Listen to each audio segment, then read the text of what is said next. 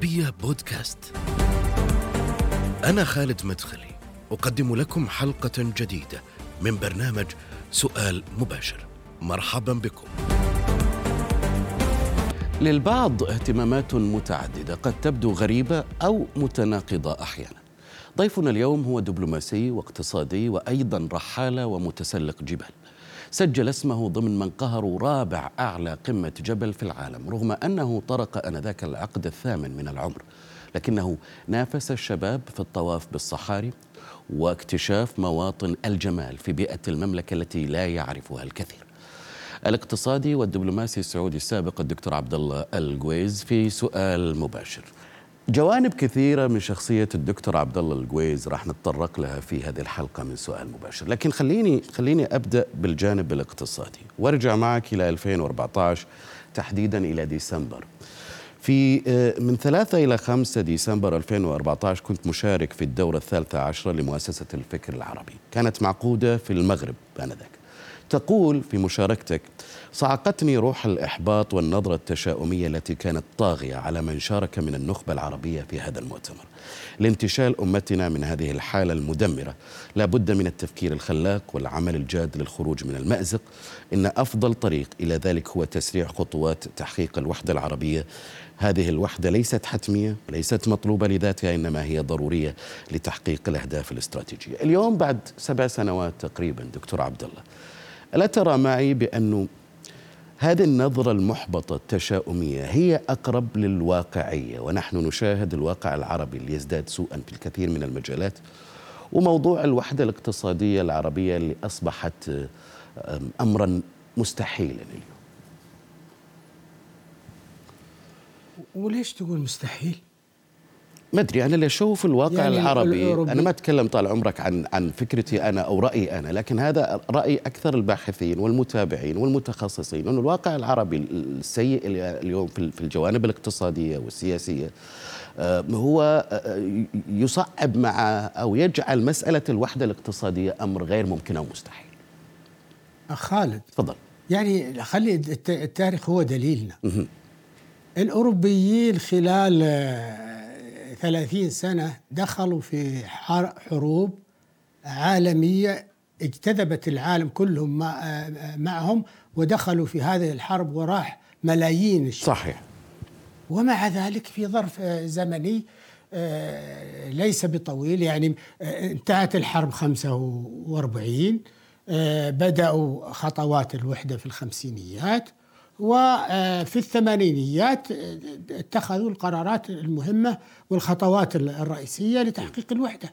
فلا يعني ما ليست يعني فترة التشاؤم اللي يمر بها الشخص أو الأمة آه، ليست مقياس لمسار التاريخ. كل أمة تمر بها. الشعب الأمريكي خلق من العدم. ما يربطهم أي شيء. جايين من كل آه، فئات من كل بقاع الأرض. ومع ذلك توحدوا ما ضبطت الوحدة دخلوا في حرب أهلية وتحققت الوحدة إلى يومنا هذا. أنت يعني متفائل دكتور وأنت شايف الواقع؟ لأنه ما في ما في خيار. ما في خيار. الآن التكتلات الاقتصادية من حولنا آه التقنيه تمكن هذه الدول من آه، التقدم اقتصاديا وصناعيا وتقنيا وسيكولوجيا وسوسيولوجيا وسياسيا وقانونيا إلى آخره. ما ممكن إننا نتوقف؟ إذا توقفنا انتهينا. يعني ما لنا خيار إما أن نسير. وش المؤشرات اللي أمامنا اليوم اللي ممكن نبني عليها هذا التغير يعني؟ وخلنا نكون واقعيين في نظرتنا المؤشرات هو هو المو... هو الوضع المأساوي اللي إحنا فيه. حلو. هذا أهم مؤشر. م.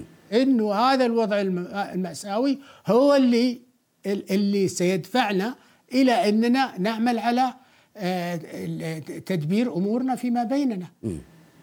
إيه بس هذا المؤشر يعني المأساوي خليني خليني مش من المنطقي خليني أن يكون باعثا على التشاؤم أكثر من أنه على التفاؤل؟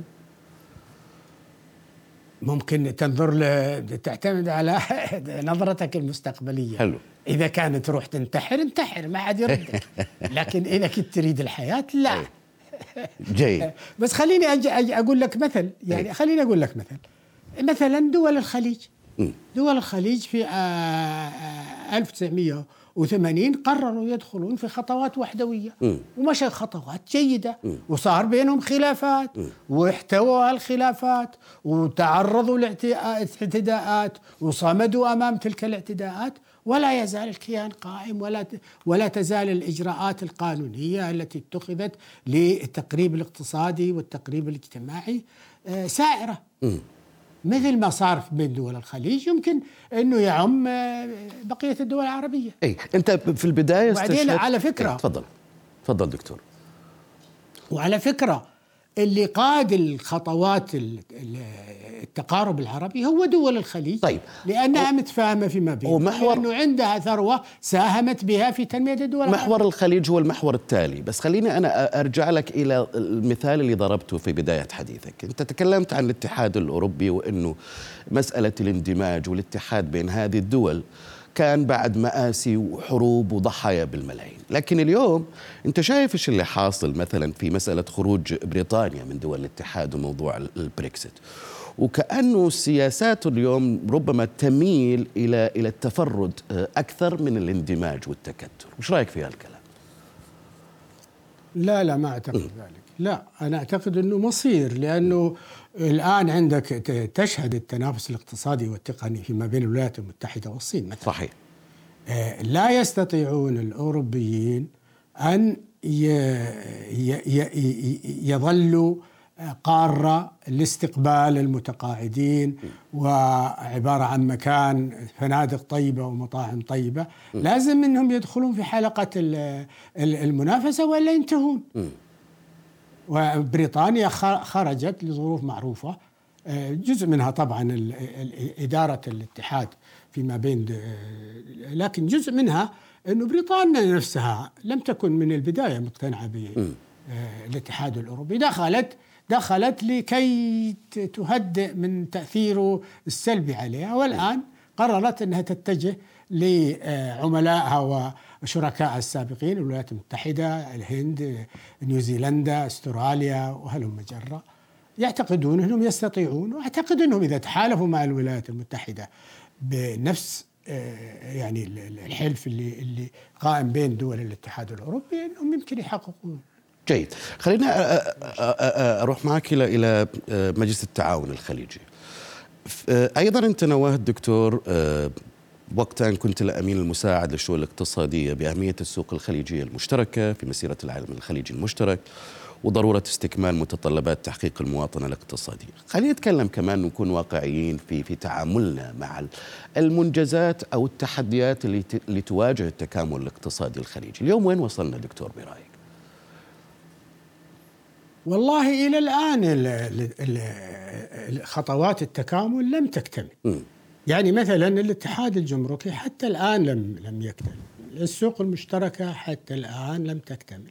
لكنه لا تزال البضائع آه، تسير بحرية بين الدول والمنتجات معفاة من الرسوم والمواطنين يتحركون بحرية فيما بين دول المجلس. لابد أنه المجلس يقو- يقوم بخطوات فعالة لتعزيز آه، وحدته وإلا سينتهي مثل جيد بس هذا الكلام يقال من عام 1908 من الثمانينات من يوم بداية مجلس التعاون الخليجي ولا زال هذا الكلام يتردد حتى اليوم بدون بدون تحقيق تقدم حقيقي على الأرض. يعني السوق الخليجية المشتركة آه، الاتحاد النقدي الخليجي العملة الموحدة المواطنة الاقتصادية الخليجية كلها تسير بشكل بطيء آه، جدا جدا جدا لا يتوائم مع تحديات العصر الظروف اللي موجودة فيها العالم واللي واللي آخرها طبعا تحدي كورونا اللي المفروض يكون هو مساهم رئيسي في تعجيل وتحريك هذه العجلة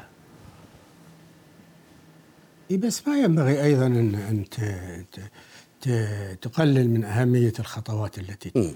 التي تمت. ربط الاتصالات ربط المطارات ربط ال- الكهرباء آه، ربط الناس مع بعضهم الشراكات الاقتصادية اللي تمت توحيد القوانين فيما بين دول الخليج. في خطوات كثيرة تمت. أنا ما أت- ما سو ما ما أعرض هذه ك كاعتذار أو كتبرير أو لا الخليج تعرض لأزمة آه، الكل عارفها. آه، توقف ال- ال- الخليج يعني آه، خلال الأربع سنوات الماضية خمس سنوات الماضية كان آه، يعني جامد. لم يتحقق في أي شيي تقصد مسألة هذه المقاطعة. كل عمل كل عمل جدي يتعرض لكبوات والشطارة والهمة هي التي ت- ت- ت- ت- تخلي ينهض ويستمر في مسيرته. وأنا وأنا متفائل جدا إنه الخليج يستطيع أن يمشي في مسيرته أنت كيف شايف اليوم؟ تكلمت عن الأزمة اللي كانت خلال أربع سنوات الماضية يمكن تقصد فيها المقاطعة. اليوم تمت المصالحة في قمة العلا. كيف ممكن تؤثر على على آه، الحراك الاقتصادي الخليجي برأيك؟ والله شوف أنا خليني بس على الأقل أتناول لك الجانب قول تفضل. آه، عندنا موضوع العملة. هذه أهمية كبيرة لأنه إذا سويت العملة فأنت وصلت إلى نقطة اللا عودة. أي. هذه هذه مهمة. عندك موضوع ربط الأسواق ال- ال- ال- المالية. أي. البورصات وإلى آخره. خطوة مهمة جدا. عندك خطوات الآن سووها بدأوها فيما بين بعض الدول اللي هي إلغاء وساطة نيويورك في التحويلات المالية. اللي هو آه، نظام آه، آه، نظام التحويلات فيما بين الدول. الآن بعض الدول دخلت في هذه العملية. أعتقد أنه أتوقع أن الدول الأخرى ستدخل تدريجيا في هذه ال- ال- العملية. بعدين أمامنا طريق طويل. مو بس أنت الحين عندك عملية التوحيد وعندك عملية التنمية. مم. كل دولة من دولنا فيها تشوهات اقتصادية. فأنت ك ك كدولة تعمل على إزالة هذه التشوهات. في نفس الوقت تحاول أنك ت- تزيد من شراكاتك آه، مع آه، إخوانك. لما كنت سفير في البحرين اللي غادرتها 2007 آه، وش اللي تتذكر من من من, من هالتجربة؟ وش اللي أعطتك أيضا من دروس؟ إيش تقصد في كل تذكر تذكرها كلها. اي وش أبرز المواقف اللي تتذكرها أو الدروس اللي تعلمتها في حياتك دكتور عبده؟ آه. أول أول آه، خطوة لما لما عينوني سفير قلت لهم أنا ما أعرف شيء في الدبلوماسية. اي علموني وش أسوي وش ولا في البروتوكول ولا في الأتيكيت ولا شيء. أي. أنا جاي من الدوادمي تعرف؟ حسيت إنها ورطة يعني؟ قالوا لا أنت لا إيه قالوا لا بس أنت يلا بس أنت ع- أكيد عارف رح طبعا رحت استعرت كتب وقرأت ومش إن شاء الله إني إني قمت بالواجب المطلوب مني القيام به. لكنه آه، من حسن الحظ إنه تعرف البحرين دولة شقيقة. والمشاكل اللي بينها وبين المملكة محدودة جدا. وكان الهدف هو تقوية ال- العلاقة. أكثر. وليس حل مشاكل قائمة. طبعا يمر بعض ال ال ال يعني منغصات نسميها. يعني الأشياء لا أيوه بعض الاختلاف في النظرة أو الاختلاف في ال- في المصالح. لكنه هذه كانت قابلة لل للنقاش والحل فكانت بالنسبة لي تجربة ثرية خصوصا وأنها في آخر فترة من حياتي ال- ال- الوظيفية يعني كانت بالنسبة لي فترة ثرية و إن شاء الله إني ساهمت في تقوية ال- العلاقة بين الدولتين. و أكيد زرت البحرين بعد مغادرتك لها. كدبلوماسي أو سفير إي طبعا ازور البحرين تقريبا تقريبا كل كل سنة. آه، وعندي فيها أصحاب آه، كثيرين و آه، الله يحفظها ويحفظ آه، دولنا كلها. في 2011 آه، في مارس 2011 دخلت قوات درع الجزيرة إلى البحرين بطلب من الحكومة البحرينية لمواجهة الأزمة البحرينية اللي كانت من إفرازات الربيع العربي. أعتقد كل خليجي يمكن كان ينظر إلى هذه اللحظة بأنها لحظة تاريخية ومفصلية أيضا في في في دول المجلس ومسيرة دول المجلس. آه، كيف كنت تنظر إلى إلى إلى هذا اليوم إلى هذه الحادثة بحكم عملك سفيرا سابقا في البحرين؟ اولا أنا ما كنت في البحرين وقتها لكني أعتقد أنها كانت خطوة ضرورية. م. كانت خطوة ضرورية لأنه ال- ال- المنطقة كان كلها تتعرض للحجر. صحيح وكان ال ال الهدف التالي ربما هو المملكة العربية السعودية. فأعتقد أنها كانت خطوة ضرورية آه، اغتنمتها ال- القيادة وتحركت حركة مباركة.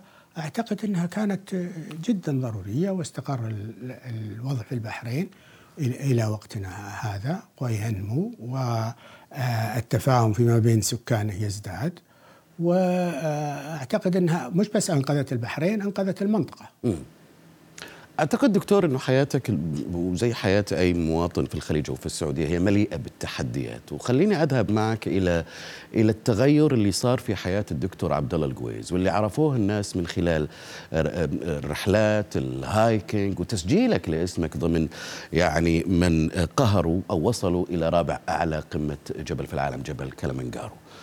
كيف كانت التجربة آه، أولا؟ وليش أنت دخلت إلى هذا المجال؟ هل هو نوع من من التشبث بالحياة مقابل الروتين الممل اللي يمر في حياة الإنسان الكبير في السن أو المتقاعد؟ الله يعطيك الصحة مو وطولة العمر. غلط إنه الواحد الله يسلم. أول شيء مو بغلط ان الواحد يتشبث بالحياة. هذا صحيح. يعني يجب أن يتشبث لا يجب أن يتشبث بالحياة. فما هو ما هو غلط. لا آه اولا أنا كنت أمارس الهايكنج قبل. يعني أنا أمارسها من سنة 1990 حتى قبل أترك مجلس التعاون وقبل أمسك بنك الخليج الدولي وقبل أروح سفير. فما هو جديد علي. آه اللي حصل إنه بعد ما تقاعدت صار معي وقت أطول. صار معي وقت أطول وبعدين آه، زاد الحماس. هو موضوع الكورونا. أي. الكورونا بالنسبة لي لها ميزتين أي. أول شيء إنها عرفتني على بلدي فزرت آه، تقريبا معظم أنحاء المملكة مم. آه، الناحية الثانية إنه كل يوم أو يومين في مؤتمر على الهواء لل- هذا الفيرتشوال اللي هو ال- عن بعد ف ممكن تتعلم أي شيء فلا آه، بالعكس أنا أعتقد إنه آه، هي صحة وهي هواية يعني تحولت عندي إلى إلى شيء هواية. إذا ما أسويه يعني كأني فاقد شيء. ف وشجعتني على التعرف على ناس كثير ناس طيبين ناس ممتازين ومن كل فئات المجتمع. يعني إحنا في الوظائف الواحد معزول في زملائه في آه الناس اللي يحتك فيهم ويتفاوض معهم بطريقة مباشره لكن هذه الهواية لا. تنقلك لكل الناس وتشوف شلون يفكرون وشلون ي- ي- يعني آه، يعيشون أثناء سعادتهم وأثناء آه، تعرضهم لأزمات ولا صعوبات شفت كيف بالعكس. فعل الناس وتفاعلهم معك دكتور عبد الله كان في احتفاء كبير من الناس يعني كيف؟ أقول شفت كيف كان ردة فعل الناس اي نعم لا إيه. أي يعني ردة فعل الناس الحقيقة يعني شيء أنا عاجز عن ممتن جدا لردود فعل الناس وأخجل منها. لاني إنسان زيهم. ما يعني ما يفرقني عنهم أي شيء. وش تتذكر من رحلتك إلى كلمنجارو دكتور عبد الله؟ أوه العذاب. العذاب؟ يعني آخر يوم اللي هو اللي هو يوم الصعود مخيف. يعني طلعنا أنا باعتبار إني كبير طلعت قبل الفريق بنص ساعة. أي. طلعنا الساعة 11 ونص في الليل. أي. في الليل. وبعد ما طلعنا من حسن الحظ ما جاء مطر لكن في هواء هواء من كل الاتجاهات. وأنت تعبان طالع لك جبل آه، باقي عليك يمكن حوالي ألف متر لازم تطلعه. آه، والهواء من كل اتجاه واذا تعبت وتبغى تقعد تحت حصات إيه. ما تقدر لأنه الهواء يجيك من كل اتجاه. فلازم تتحرك ولا تموت. يعني ما فيها يا تتحرك يا الموت. فلا العذاب. كان وبالنزول كان صعب جدا. انت أنت كان قمة كلمنجارو هي خيار ثاني. آه، آه، كان قبلها المفروض إنك تروح إلى إلى قمة أنا ماني عارف شو اسمها القمه الجليدية أو شيء وأنه أولادك في ذيك صحيح الفترة صحيح. هم اللي رفضوا إنك تروح يعني لهذه القمة. بس شلون وافقوا على كلمنجارو لا هو هو لها لها لها قصة يعني. أي. لأنه آه أنا فشلت في أني أطلع الجبل الأبيض. الجبل الأبيض اللي هو مون بلان. الجبل الأبيض لأنك تمشي على ثلج و- وممكن ينزل بك ويمكن يطيح عليك وإلى آخره وأنا ما كنت مهيأ يعني تد من ناحية التدريب. المهم كنت أجهز حالي على أساس إني السنة الجاية بجي ولما وقفت الرحلة للعائلة يعني كان في رفض كامل. مش بس كذا الأشخاص اللي أنا كنت متفق أنا وياهم عشان نرجع السنة الجاية ما عاد سمعت منهم إلى الآن. ف...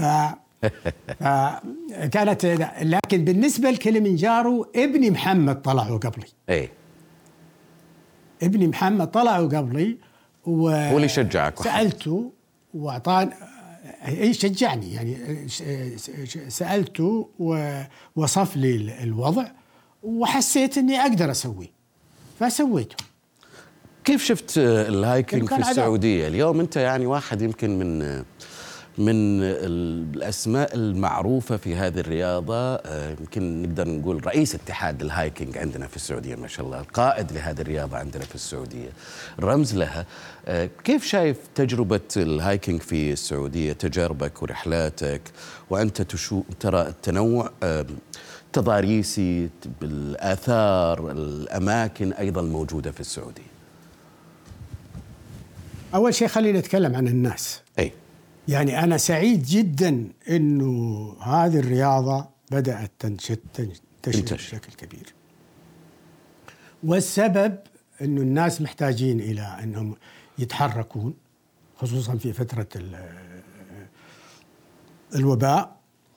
آه اثنين إحنا مع الأسف ما عندنا التسهيلات الخاصة بالهايكنج، يعني ما في عندنا طرق محددة. لأن بعض الناس يروح يقبل على الموت يتعرض لأخطاء. امم تعرض ت- قد تهدد حياته.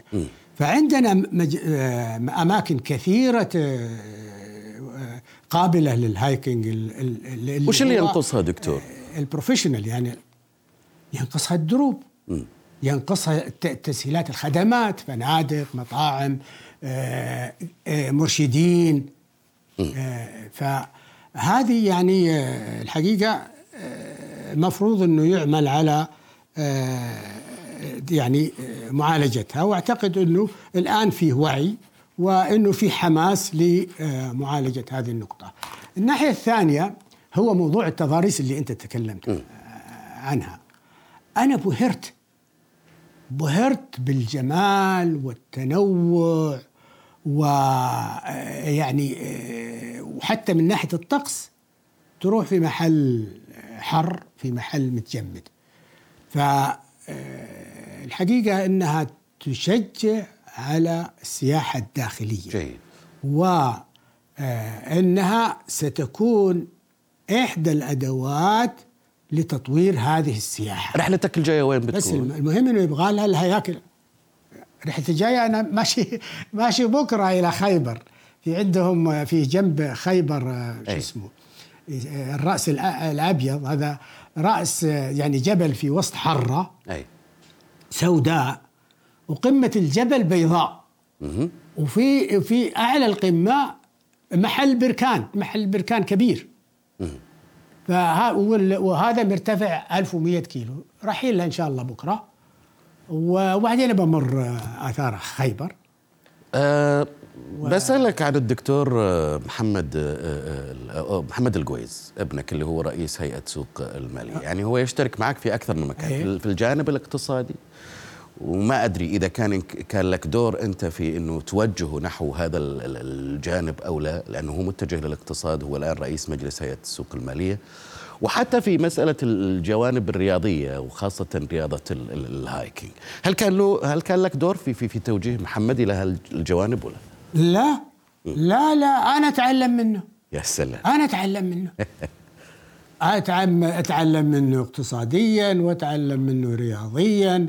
وفي الحقيقة هو اللي شجعني على كثير من الأشياء وبعدين هو اللي يفتح آه، ذهني إلى أي مستجدات في القضايا الاقتصادية والأفكار الاقتصادية والكتب والنشرات اللي تطلع من. أنا اللي أتعلم منه.